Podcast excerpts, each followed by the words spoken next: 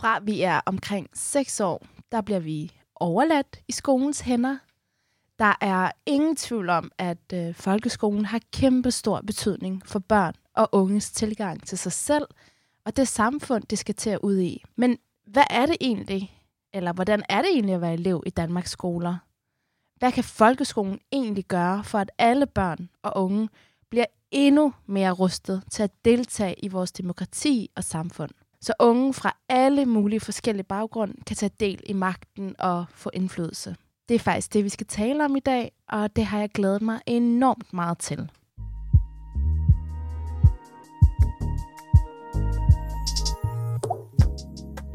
Unge har alt for lidt indflydelse i dagens samfund. I hvert fald, hvis du spørger mig. Mit navn er Manila Gafuri, og jeg er på en mission sammen med Ungdomsbureauet om at sikre unge mere magt. For jeg ønsker forandring, og det kræver jo magt. Og derfor så vil jeg undersøge magtbegrebet ud fra nogle forskellige vinkler. Jeg vil tale med mennesker, der beskæftiger sig med magt, lige fra aktivisten, der demonstrerer, demonstrerer i regnvejret, til den politiske elite, der afgør vores fremtid. Alt sammen for at finde ud af, hvordan vi unge kan få mere magt i samfundet.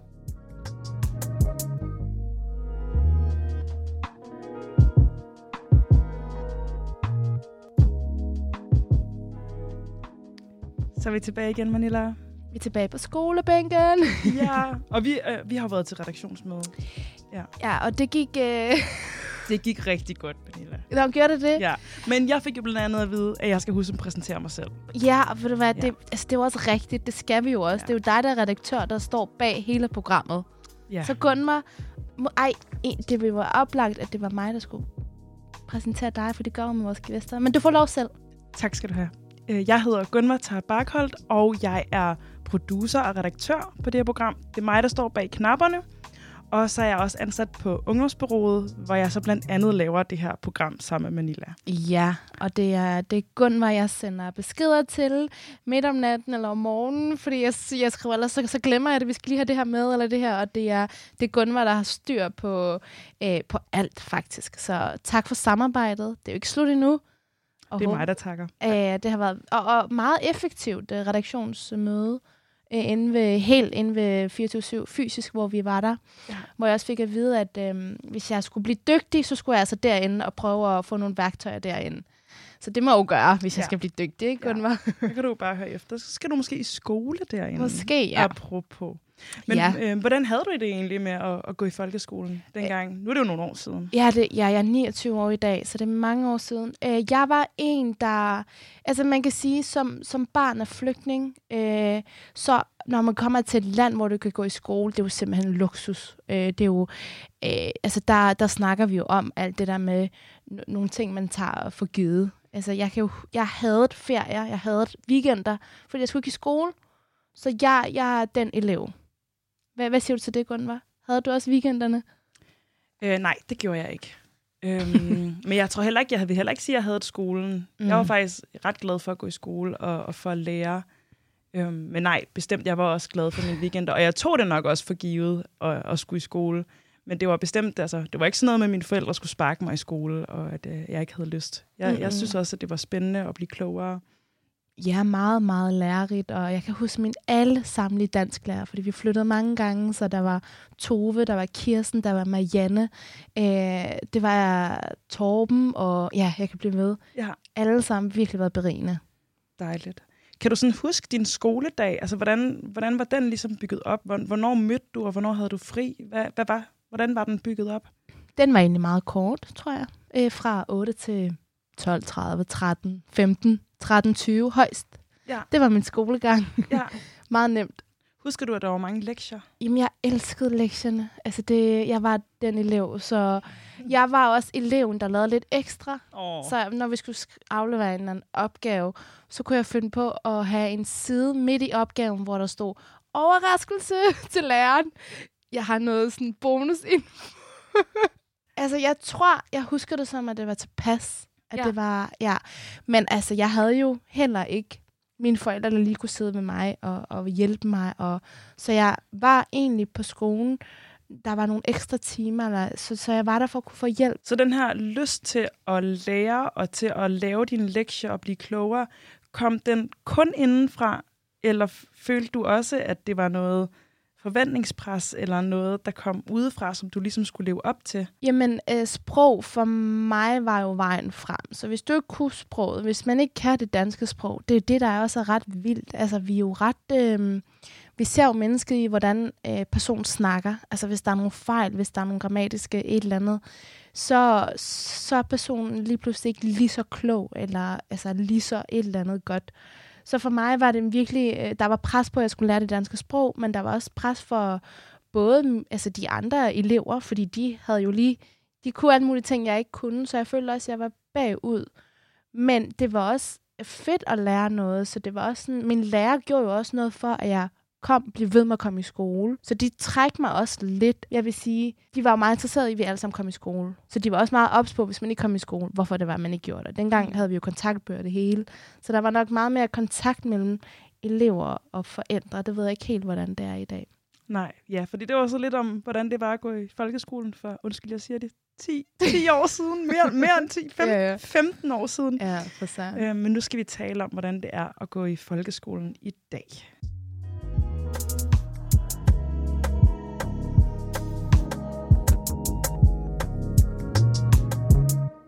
Ja, og som Gunvar sagde, så er det jo en del år siden, at øh, jeg er blevet færdig med folkeskolen.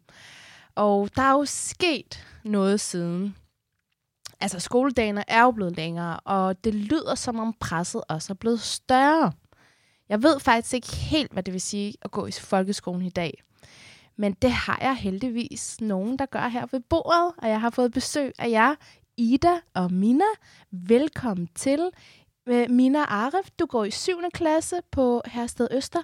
Ja, det gør jeg. Velkommen til, Tak. Mina. Ja, og så har vi Ida Kølle. Yes, velkommen til. Du går på 1. G på Rødovre Gymnasium. Mm. Er det forstået? Det er rigtigt, ja. Godt. Hvordan har I det?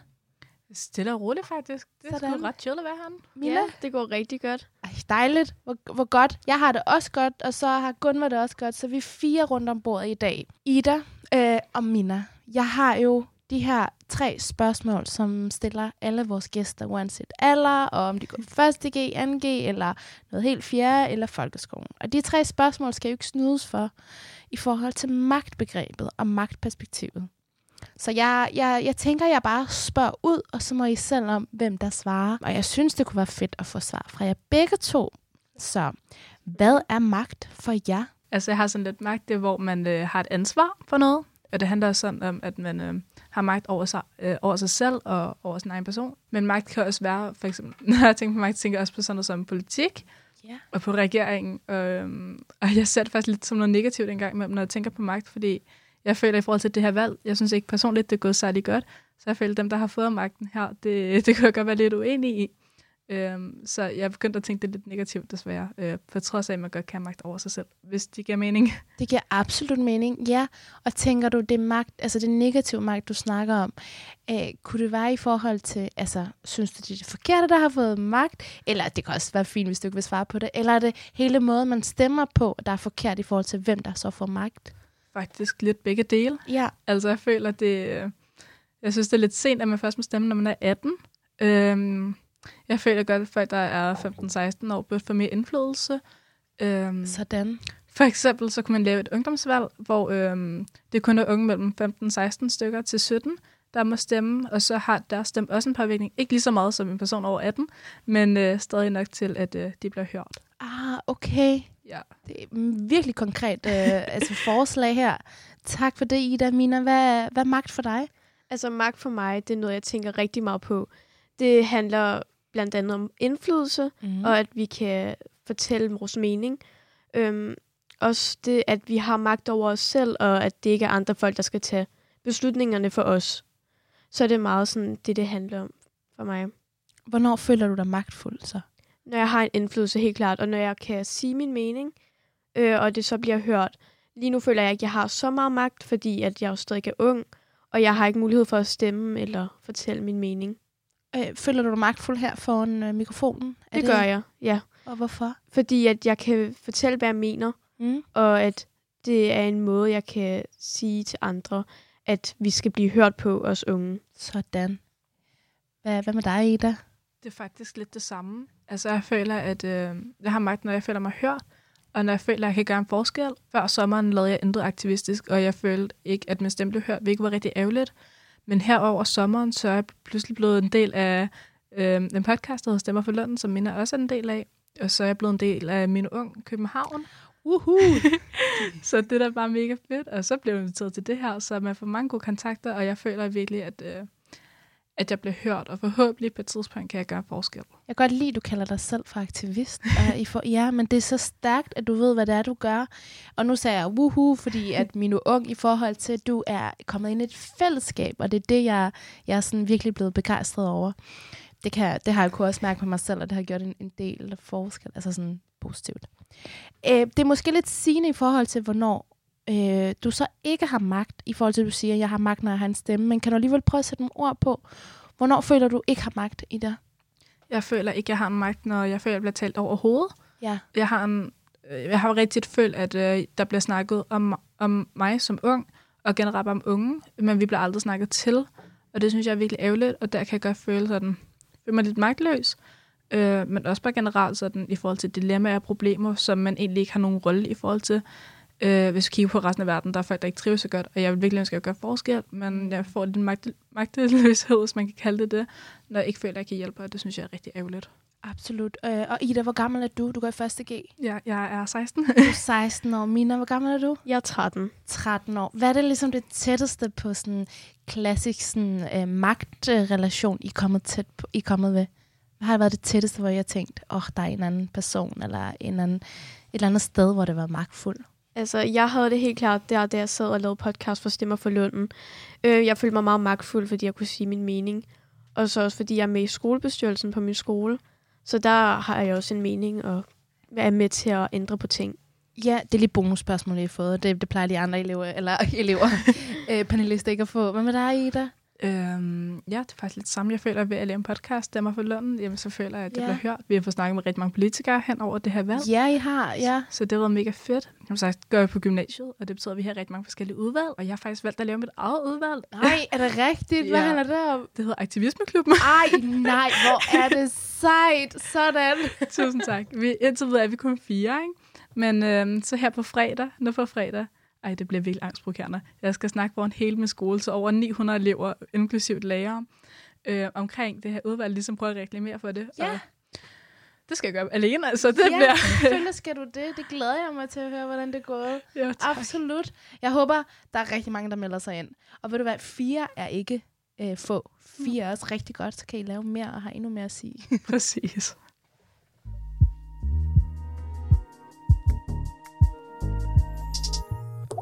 I Danmark der er der ikke skolepligt, men undervisningspligt.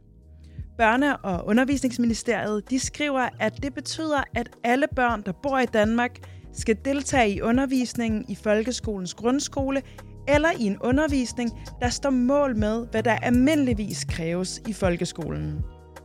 Undervisningspligten den kan på den måde opfyldes ved, at eleven går i folkeskolen, i en privatskole eller undervises derhjemme. Langt de fleste forældre de sender deres børn i folkeskolen, og derfor så tilbringer størstedelen af danske børn 10 år i den danske folkeskole.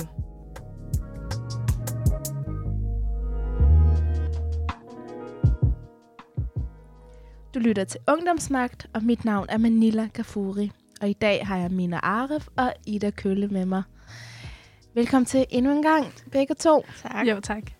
Øh, okay, nu skal vi jo snakke lidt om, hvordan det er at gå i skole. Altså, hvordan er det at bruge så mange timer? 10 år, det er godt nok meget lang tid. men Ja. Det der. Det er det. I, øh, ja, du, du er jo igennem det, øh, Ida. Mina, du er 70 procent igennem det, ikke? Ja. Det skal nok gå, ja. Øhm, kunne I lige gøre mig sådan, øh, klog på, hvordan en helt almindelig sådan, uge ser ud for jer? Ja, altså hvis jeg starter, øhm, jeg plejer at vågne op klokken 6. Øhm, det er meget tidligt, men jeg plejer også at gå rigtig tidligt i skole, fordi jeg kan godt sidde der og vente på læreren kommer, bare sammen med mine veninder, hvor vi sidder og snakker lidt om timen og dagen. Og så har jeg de forskellige fag, og så nogle dage har jeg fri klokken 14.10, og de andre dage har jeg fri klokken 15.10, og det kan godt være ret 13, ikke?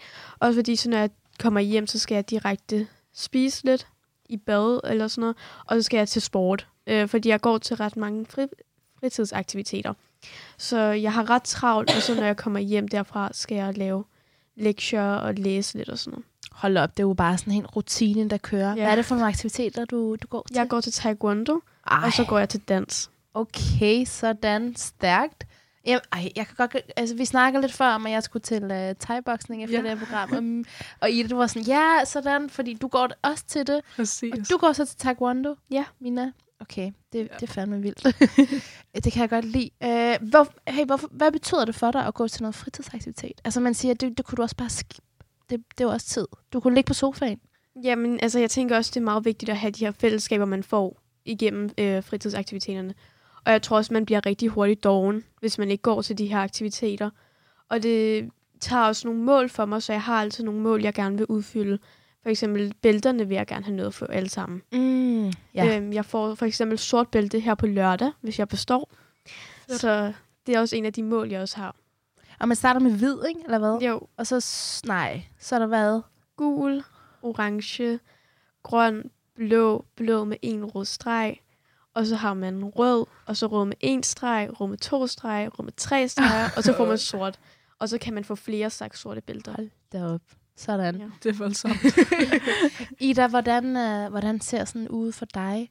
Ja, jeg, vil, jeg fortryder lidt, at jeg havde så meget mod min folkeskole i 9. over dagene, fordi jeg kan mærke, efter jeg startede i faktisk til K, så det, Det er det første, man tænker altid. ja. ja, jamen det, en normal uge, det er, at jeg står op 5.30, øh, og så øh, jeg tager jeg i skole, og så øh, har jeg mange små pauser på 5 minutter, og så har vi en lang pause på cirka 35 minutter, og så øh, har jeg fri mellem 2 til 4.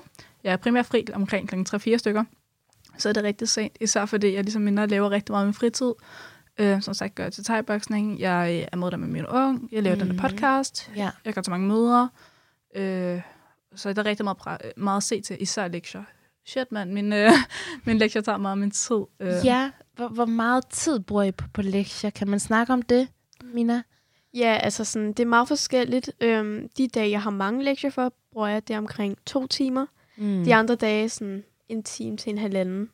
Og så hvis jeg, altså, det er meget få gange, jeg ikke har noget for, men der bruger jeg alligevel en time til bare at sidde og kigge lidt igennem på, hvad jeg skal i løbet af ugen, og læse lidt og sådan noget. Mm. Og Ida, du nikker? Ja, jamen, øh, ja, det er lidt forskelligt faktisk. Fordi øhm, der er nogle gange, hvor vi overhovedet ikke har særlig mange lektier for, men primært så har, kan jeg godt sidde en time hver dag, hvis ikke mere. Øh, og det er kun lektier. Øhm, fordi så har vi også afleveringer, Ja. og de tager endnu længere tid, fordi det er sådan, hvor man skal bruge rigtig mange elevtimer på det. Det kan være alt fra 3 til 5 timer. Altså, det er virkelig voldsomt, men øh, det skal bare overstås. Ja, og nu snakker jeg om det der med, at nogle gange så har man ikke lektier for, men er der et eller andet alligevel i jeres hoved, hvor I tænker, ah, så burde jeg måske lige læse noget andet, jeg ikke fik gjort sidste uge? Altså sådan, jeg har ikke noget, jeg skal læse. Øhm, men jeg tænker lidt, at for at blive bedre til at læse, så har jeg altid sådan en frivillig bog Mm. derhjemme, som jeg øh, sådan, læser i. Og så for eksempel, jeg er også til mange skolebestyrelsesmøder, så nogle gange sidder jeg og forbereder lidt, hvad jeg skal sige der. Og til elevrådsmøderne forbereder jeg også lidt. Jeg håber, jeres lærer sidder og lytter med. ja.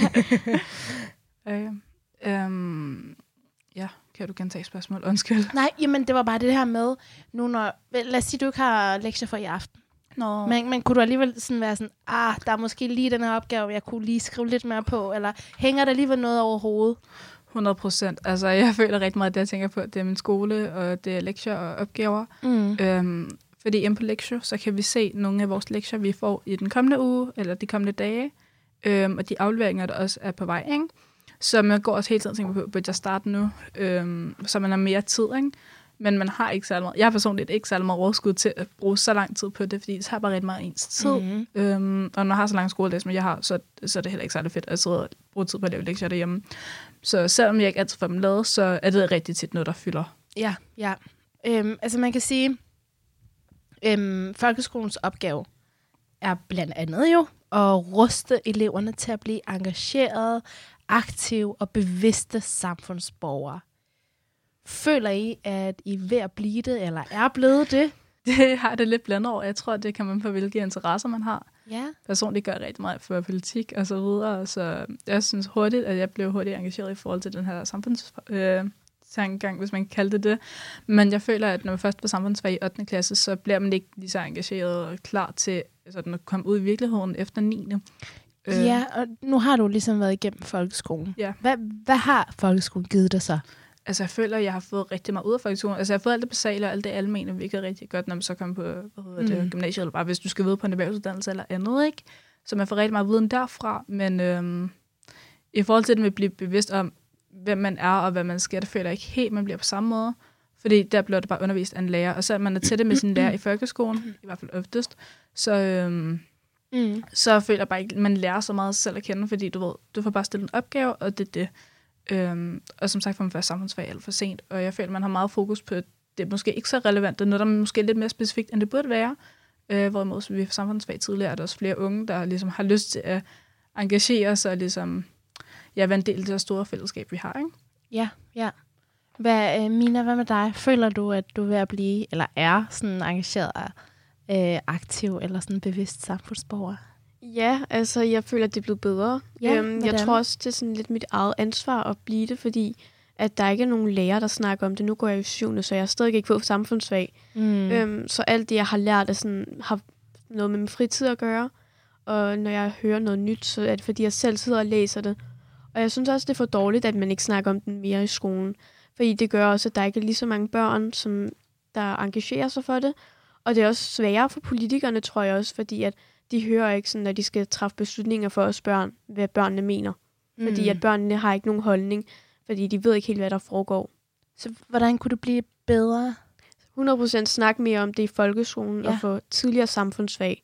Fordi det er meget sent, vi får det. Men lad os sige, at I fik samfundsfag i 6. eller 5. klasse. Vil der så ikke også blive på en eller anden måde påduttet mere ansvar på jeres skuldre allerede? Eller hvad tænker I? Ikke nødvendigvis. Altså, man behøver jo ikke direkte at starte ud med de forskellige ideologier og så videre. ja. Altså, man kunne godt gøre det sådan mere barnevenligt og begynde sådan at stille dem nogle du ved, dilemmaer, at de skal tage stilling til. Sådan, hvad mener du egentlig? Det behøver ikke være noget stort. Altså, mm. bare det helt, helt basale småt, ikke? Bare samtalerne. Præcis. Altså, Ja. hvis man startede der, jamen, altså, vi ville få så meget ud af det. Altså, Nu har vi fået to konkrete forslag. tak for det. Nå, lad os komme ind på det her med, hvordan fællesskaberne er i jeres klasser. Øhm, ja. Ja. det er jeg virkelig spændt på at høre. Jeg har på et tidspunkt arbejdet i pigeklubben, hvor der var også øh, altså virkelig delte meninger om det her fællesskab, og hvordan, hvilke grupper man var sammen med. Og det, ja, det jeg hørte er jo stadig, det er meget sådan gruppeopdelt, hvilket jeg er lidt ærgerlig over, så må jeg lige høre, sådan, hvordan er jeres fællesskab? Altså i min klasse er det meget pigerne er sammen, drengene er sammen. Ja. Men jeg tror også, at hvis man ikke skal have det fællesskab, og man skal have et stort fællesskab, hvor alle er sammen, skal man allerede tænke på det helt ned fra 0. klasse, at man laver sådan nogle små legegrupper eller sådan noget, så alle er sammen. Øh, det lavede vi for eksempel ikke. Så nu er vi bare vokset op med, at pigerne holder for sig selv, og drengene. Jeg har, det er sådan et bonusinfo, jeg har været skolelærer på et tidspunkt, øh, hvor jeg havde, hvor jeg var um, ja, klasselærer for 3. klasserne. Og det vi lavede dengang, øh, det er for to år siden, det var, at vi netop skrev alle lejene op på tavlen, det man kunne gøre, aktivitet. Og så skulle man så vælge i form af aktivitet, og ikke hvem der valgte. Altså, så det ikke var ligesom den der klassiske opdeling. Og det, er det noget af det, du tænker, hey, hvis vi havde noget af det i vores klasse? Ja, 100 procent. Øhm, jeg tænker også, at det skulle være sådan noget med, at man tog på flere ture sammen i hele klassen, og at lærerne prøver at sådan, lave aktiviteter, som alle kan lide. Øhm, jeg tror også, at når vi skal stemme om, hvad vi skal lave, så kigger drengene på drengene, og pigerne kigger på pigerne. Så, så hvis der er en, der synes det er pigerne, så tager jeg også bare det. Ja. Fordi jeg vil bare være sammen med de, dem, som jeg kender. Men er det ikke også meget okay, er man bare sammen med dem, man kender? Jo, men det er sådan... Man ved aldrig, hvad man går glip af, hvis man ikke prøver det. Det kan jo også godt være, at jeg har det mega godt med en af drengene, ja. og har de samme interesser, som jeg bare ikke har fundet ud af. Fordi Mm. at vi altid sådan er sammen. Så kunne du finde på, Mina, øh, at gå over til en af, en af drengene og sige, hey, skal vi lave noget? Hvad vil, han, hvad, hvad vil personen tænke? Det kunne jeg ikke finde på, nej. Øhm, jeg tror også, det er sådan, hvis man gør det foran alle de andre drenge, Ja. så kommer de bare til at synes, okay, hun er underlig, hvad laver hun? Ja, vil hun være kærester med ham? og Ja, sådan noget? præcis. Ja, det Så forstår jeg er jeg så sådan- godt. Det er lidt for sent nu, føler jeg, for vores klasse at begynde på det fællesskab. Mm. Mm. Tak for meget ærlige uh, svar og gode råd, også I kommer med. Ida, hvad tænker du om jeres fællesskab? Hvordan er det? Altså, jeg føler faktisk, det er sådan, det er okay. Altså, jeg er lige, har lige afsluttet grundforløbet, og nu kommer jeg ind i min rigtige klasse. Ja, man kan jo sige, du, du går i første, så der er stadig noget, men Præcis. hvis du kan sætte ord på det alligevel. Øh, jeg plejer at være rigtig udadvendt, og jeg plejer at kunne snakke med rigtig mange. Men øhm, jeg tror, det handler meget om viben, man får fra folk, og hvilken vibe man selv udgiver. Ja. Jeg føler, at jeg er begyndt at være mere indadvendt her. Indadvendt. Ja, ja. Ja, hvilket er super ærgerligt, fordi jeg prøver ligesom at blive mere udadvendt igen. Fordi altså, alle mine venner kalder mig for den ekstroverte, fordi jeg virkelig bare plejer at snakke med alle. Ikke? Så det, det er rigtig, rigtig mærkeligt for mig i den her situation, så ikke at føle, at jeg kunne snakke med nogen. Øhm, ja. det er på grund af, at rigtig mange gik i klasse i, i, sammen i grundforløbet, så jeg tror bare, det er det, ikke? Og så skal man lige give den chance af det. Men altså, jeg synes faktisk, selvfølgelig er det grupperinger i forhold til, hvem man hænger ud med, men jeg synes faktisk, det er okay blandet i forhold til drenge og piger. Der er selvfølgelig lidt, lidt opdelt stadig i forhold til kønnene, men du ved, ja, ellers synes jeg, det er meget godt blandet, men der er altid de der grupperinger, og jeg tror, det er rigtig svært at fjerne de her grupper. Øh, ja. fordi altså, vi kan alle sammen hygge os sammen, hvis det er det, altså det er de her fester, der er, men jeg tror bare, man prøver at finde nogen, man sådan snakker mest med. Øhm, fordi, som Minna selv sagde, det er svært at gå hen og tage initiativ til en anden. Man Mm. tænker, det kunne være ret hyggeligt at snakke sammen, men man gør det ikke rigtigt, fordi hvad vil andre ikke tænke? Hvad vil personen ikke tænke? Ikke? Ja, og jeg tror også, det her er to eksempler på den her klassiske sådan, form for skolegang, man er blevet opdraget til, som jeg også har været en del af, og tænker også sikkert sådan, Gunvar måske har, men det der med, vi er jo, vi er jo klar over, at der er flere der er flere køn end to køn. Altså, ja. Men det er jo, folkeskolen er jo meget dreng-pige. Og det er jo nok også det, vi tager udgangspunkt i her, altså at vi snakker ud fra dreng-pige, og det er det. Men jeg vil også bare sige, at vi er klar over, at der er flere køn, og det, øh, men det er bare lige derfor, vi siger dreng-pige, for det er ligesom det, man er opdraget til folkeskolen, og det, som jeg også kan høre på jer. Det er 100 procent. Øhm, lige noget, jeg tænkte på, Ida, du snakker om det her med forventningen om, hvad for en rolle du havde, og hvad for en rolle du så har nu. Ja. Altså, du snakker om, det er mærkeligt for mig at, at, at være lidt introvert nu. Mm. Øh, kan vi snakke en lille smule om det, sådan, de der roller i godsøjne plejede at have, og hvis man så bryder ud af den rolle, Jeg føler, at jeg gerne vil ændre min rolle fra folkeskolen til gymnasiet. og Jeg synes, det er rigtig fedt, jeg har muligheden for det, fordi man kender jo ikke nogen, når man starter på gym jo. Så jeg føler sådan her, så jeg kunne få lov til at vise en rolle, at jeg faktisk gerne vil skolen. Fordi jeg var ikke slækkeren i folkeskolen på den måde, men det var heller ikke, fordi jeg var så skoleindstillet. Altså, jeg kom altid i skole, og jeg var da glad for at gå i skole, men det er ikke noget, jeg tænkte wow over, da jeg gik i folkeskolen. og var det også sådan en forventning af de andre om, nå, det er Ida, der er sådan der. Præcis, det var der. Jeg kan rigtig godt mærke det, især ved mine tætte venner, ikke?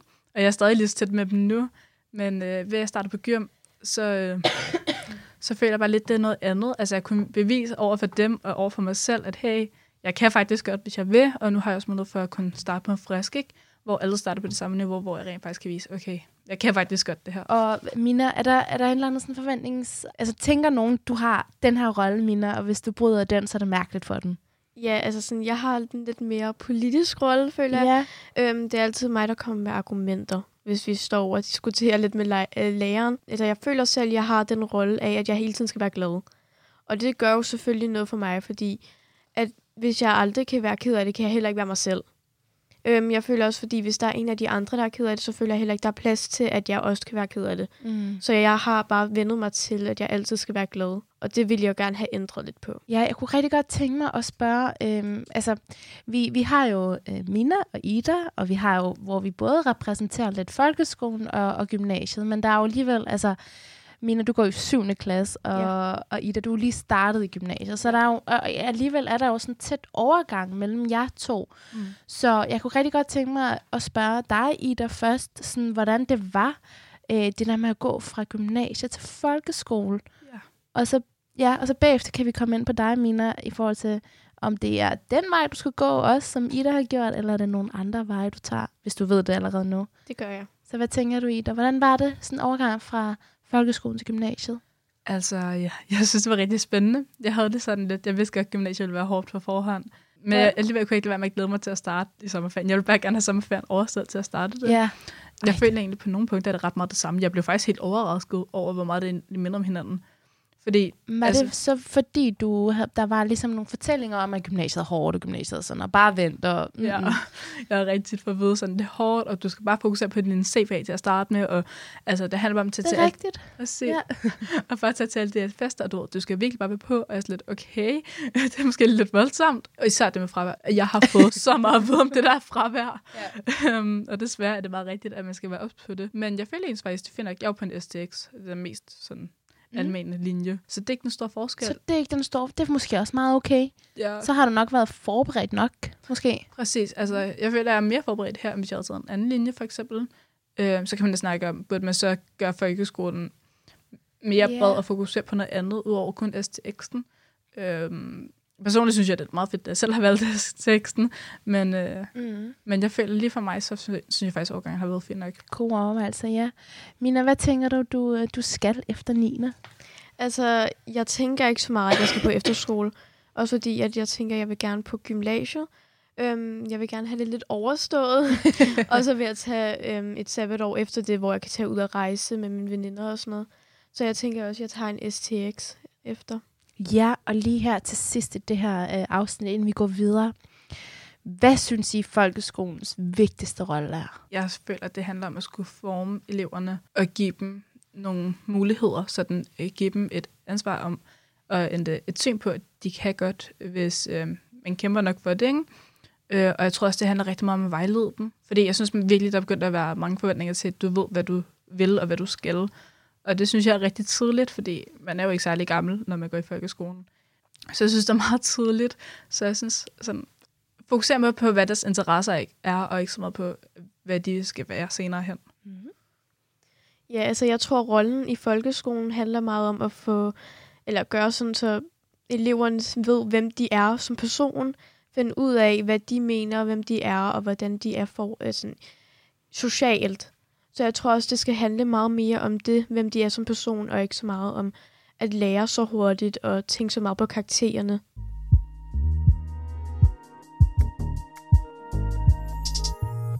I 2020 der udgav Dansk Ungdomsfællesråd og Opinion Demokratianalysen, hvor de tog temperaturen på den danske ungdoms demokratiske selvtillid. Vi har nævnt den tidligere her i programmet, men den fortjener lige en runde mere. For undersøgelsen den viser, at mange unge oplever en barriere for at engagere sig i demokratiet. For selvom 76 procent af de 16-25-årige udtrykker, at de har en holdning til, hvordan Danmark og verden skal udvikle sig, så siger næsten halvdelen, at de ikke har tid eller overskud til at engagere sig. Og over en tredjedel mener ikke, at de ved nok til at kunne være med. Og så er der en femtedel af de adspurgte, som ikke føler, at deres engagement vil gøre en reel forskel.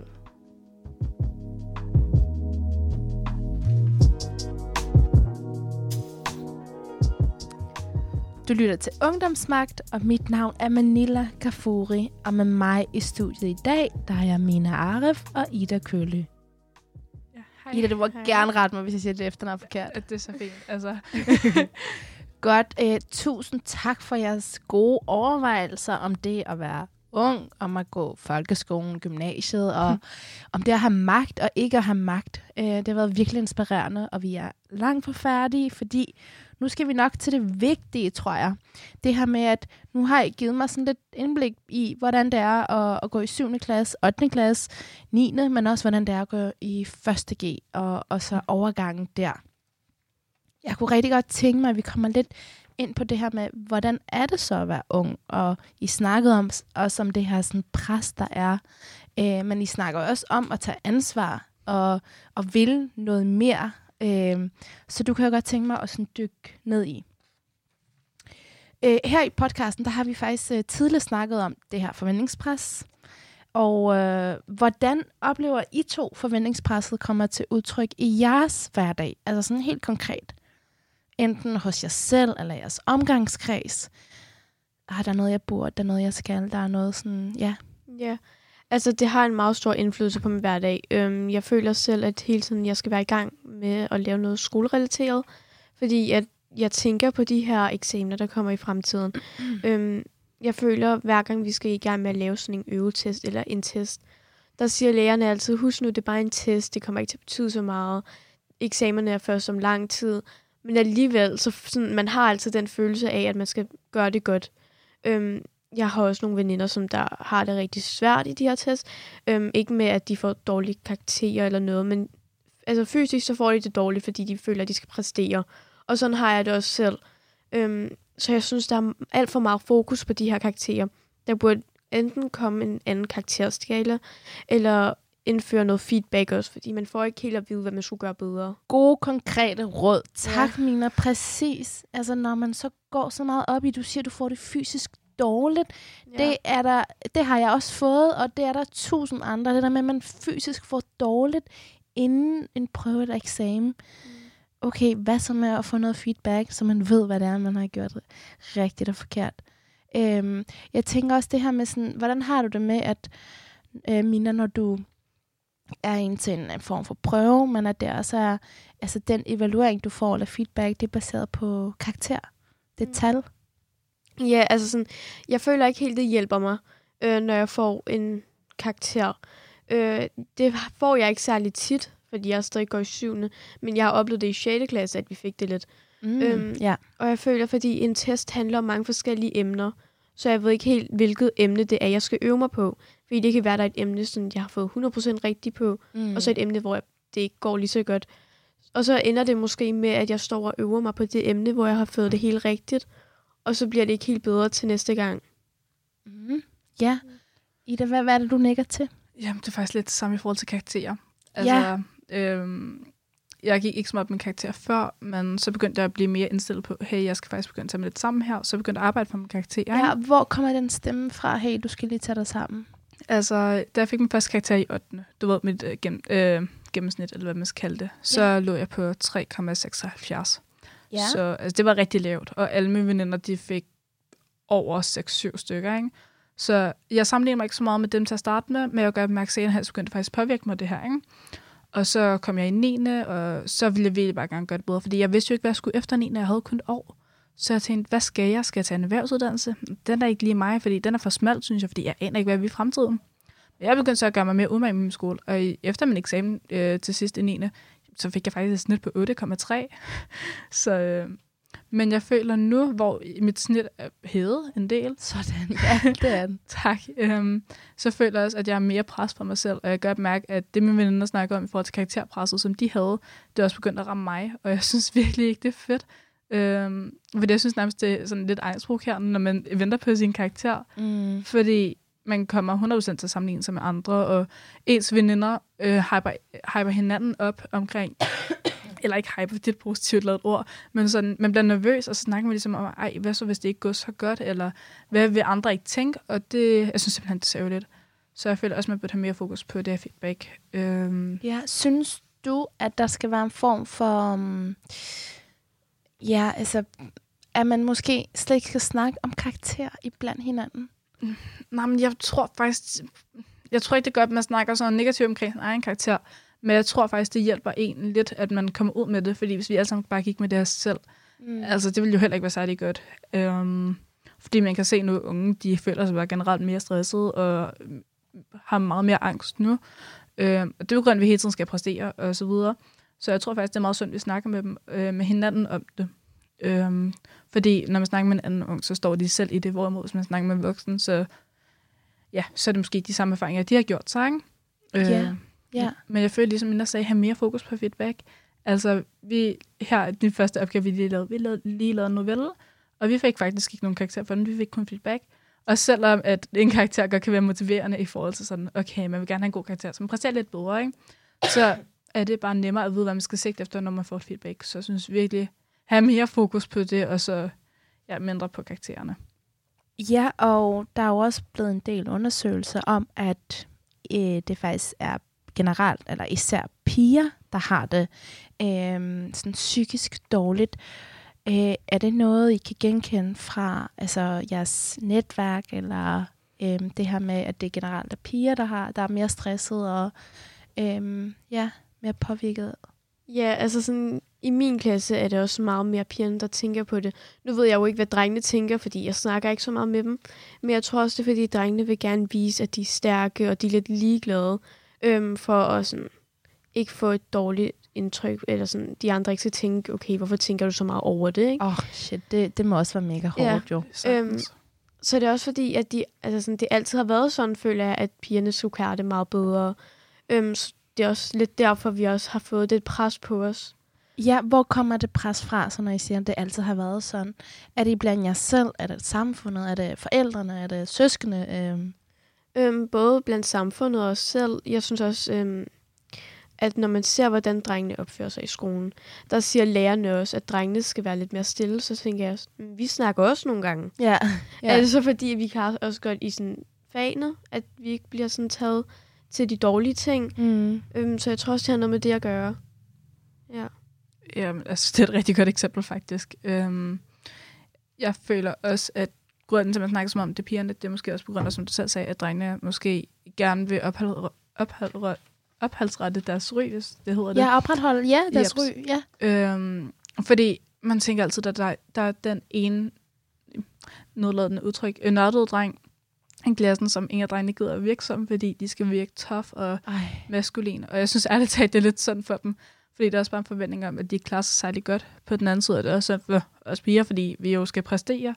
Øhm, og det er som om, hvis du får alt under syv, øhm, ja, så er du ikke præsteret godt nok. Og det synes jeg også er lidt ærgerligt. Fordi altså, hvis vi snakker om karakter igen, så synes jeg også, at det er snit, altså du ved, de her karaktertrin, vi har, de er simpelthen for spredte. Altså, fordi 4 og 7 er for langt væk fra hinanden, Mm. mm. og 7 og 10 er især også meget langt fra hinanden. Fordi ligger man tæt på et 10 eller ligger man tæt på et 20 ikke? Altså, Ja, og, og I kommer jo begge to ind på det her sådan meget markante roller, der er i forhold til sådan forventningspres på, hvordan øh, drenge skal være, hvordan I skal være, og nogle forventninger, I har til jer selv som piger, og øh, det der med, sådan, når, at drengene er måske lidt mere øh, tough eller seje i det, og det skal de være. Øhm, men det handler jo bund og grund om at kunne være sig selv, i, om det er i samfundet, i klassen, og det handler jo også om at kunne blive hørt. Altså hvis der er en, der hedder Tobias, han skal da kunne sige, jeg har det dårligt, eller uden at kunne sætte ord på det, øh, og at der er ikke nogen, der skal græde eller grine af, af ham. Hvad skal der til, for at eleverne kan blive hørt? Altså hvad skal der til, for at, eller lad mig spørge, føler I, I er hørt, at I bliver hørt? Um Altså, I, på gymnasiet eller folkeskolen, hvis der er noget problem? det kommer hvilke slags problemer. Altså, fordi jeg føler på nogle punkter, så tager øhm, især voksne det meget seriøst, og på andre punkter, så er det sådan lidt, ja, du er ung, sådan nogle problemer skal du jo have, ikke? Mm. Øhm, så jeg føler, det kommer an, an på emnet og an på situationen. Øhm, Men lad os sige, det handler om, at du, du, du siger, at det, det, det skal egentlig være, jeg vil gerne have indflydelse på, øhm, at vi skal indføre kødfri dag, for eksempel. Ja. Er det noget, tror du, de kunne tage dig seriøst? Det tror jeg, fordi altså, klima er jo virkelig op, øh, især her for tiden, øhm, og der er rigtig mange unge, der engagerer sig, så altså, det har vi faktisk allerede på skolen, er jeg ret sikker på. Mm. Øhm, ellers så er det altid, hvor man kan vælge med eller uden kød, ikke? Øhm, til dagens ret for eksempel. Så altså, du ved, vi har altid alternativer for for eksempel vegetar eller vegan, eller folk, der bare gerne vil have en kødfri dag, ikke? Så på det punkt føler jeg, at de vil høre os, men altså, jeg ved ikke, der er også bare nogle emner, hvor man tænker, vil man nogensinde blive hørt på det, ikke? Og hvad er det for nogle emner? Øhm, altså, hvis man siger, at man er presset, så føler jeg ikke, det bliver lige så meget hørt, som hvis du rent faktisk siger, at jeg har angst. Mm. Altså, jeg føler, at man skal helt derud, før man rent faktisk bliver hørt. Fordi ellers, så er du bare ung og en smule stresset. Det skal der også være plads til. Og jeg har flere gange nærmest blevet grint af, fordi jeg har sagt, at jeg er stresset. Fordi folk ikke tænker, at jeg kan være stresset.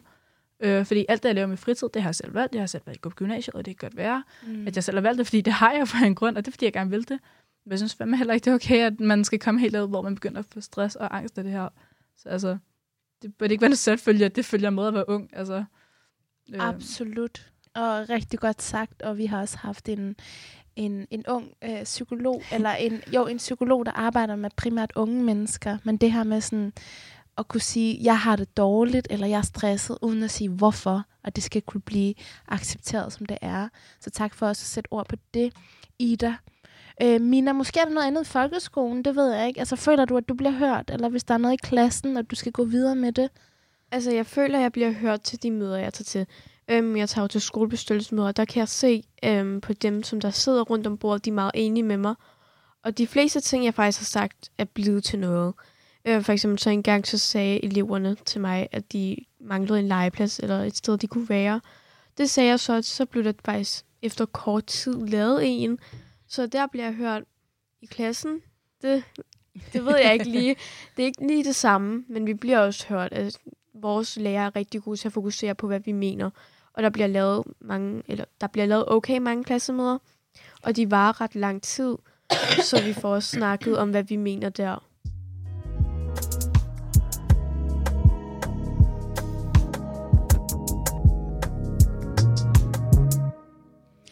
Du lytter til Ungdomsmagt, og mit navn er Manila Kafuri, og jeg har stadig besøg af Mina og Ida, og jeg er en lille smule forkølet, så undskyld, hvis jeg bare hostede op i mikrofonen. Sådan er det i hvert fald.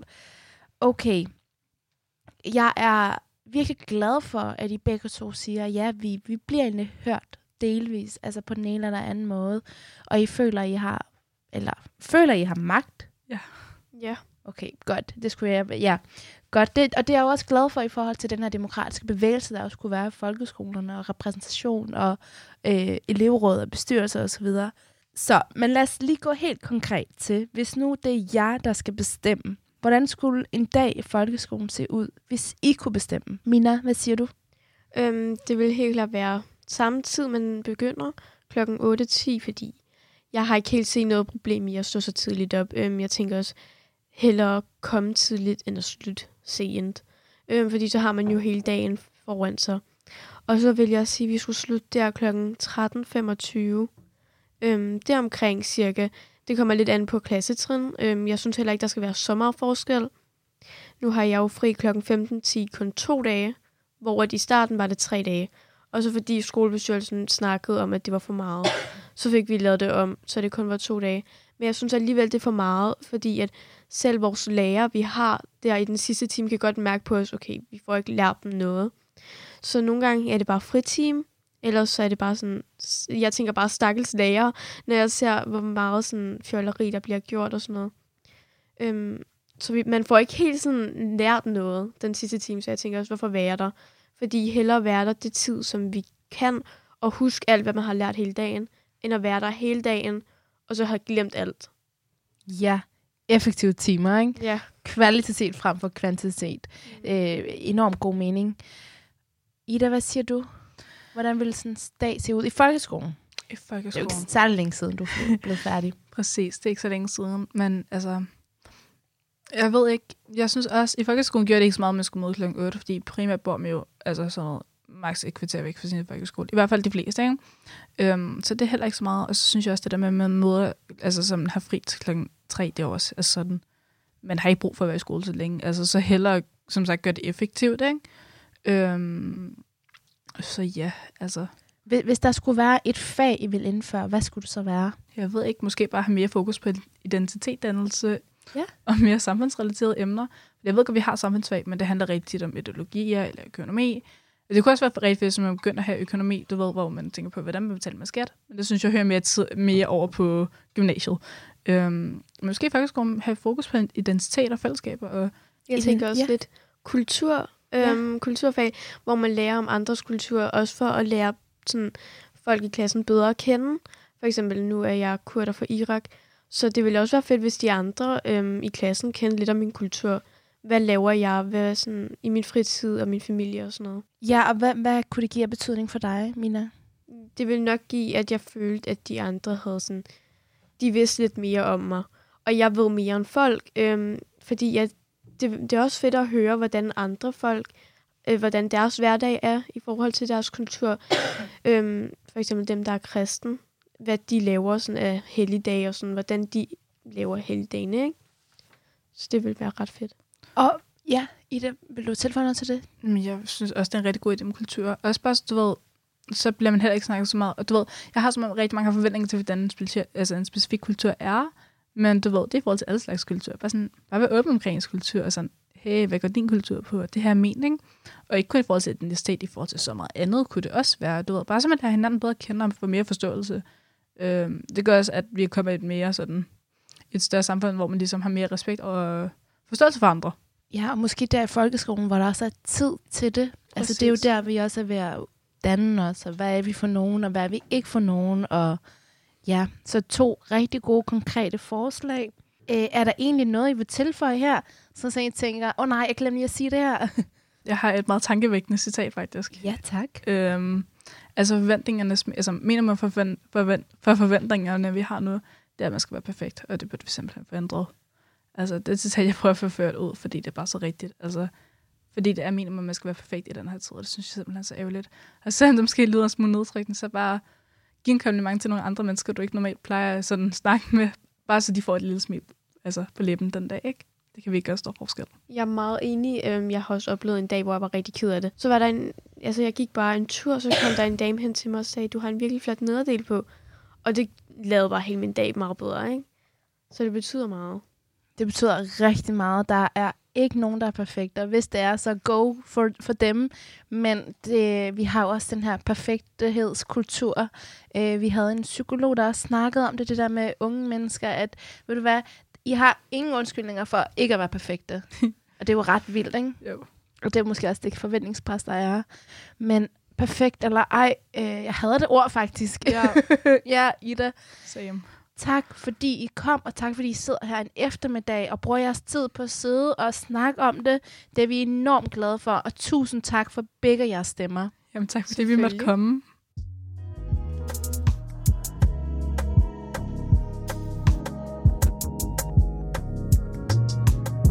Jeg vil bare sige, at jeg kan genkende virkelig meget af det, som Ida og Mina siger.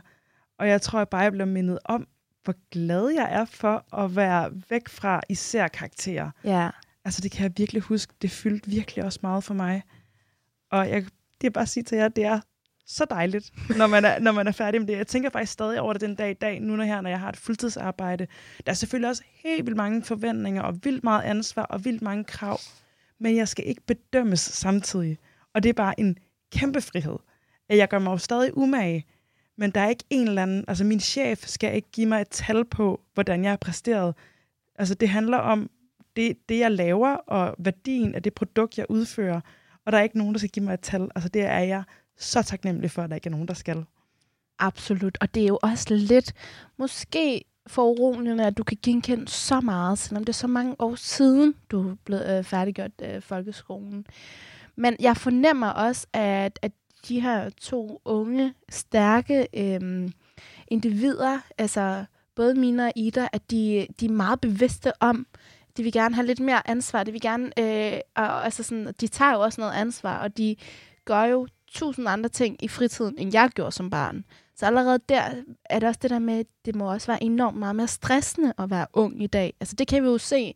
Ikke fordi de går og er stresset, men de er i gang hele tiden jo.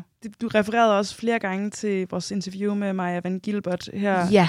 Og jeg synes Maja. bare, det giver så god mening, at der er bare ikke nogen undskyldning for ikke at levere. Og det er noget, der virkelig sådan ligger på ungdom nu, og, så, og som man skal næsten altid være lidt bedre end den tidligere generation.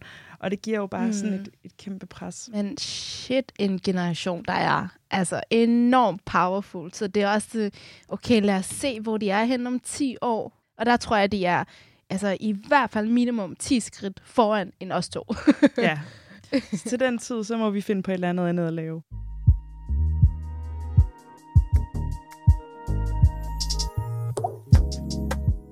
Det var alt, vi havde til jer i dag. Ungdomsmagt er tilbage igen i næste uge, samme dag og samme tidspunkt. Forhåbentlig er jeg ikke forkølet der. Vi sender alle tirsdage fra 22 til 23, og så kan du selvfølgelig finde vores afsnit som podcast.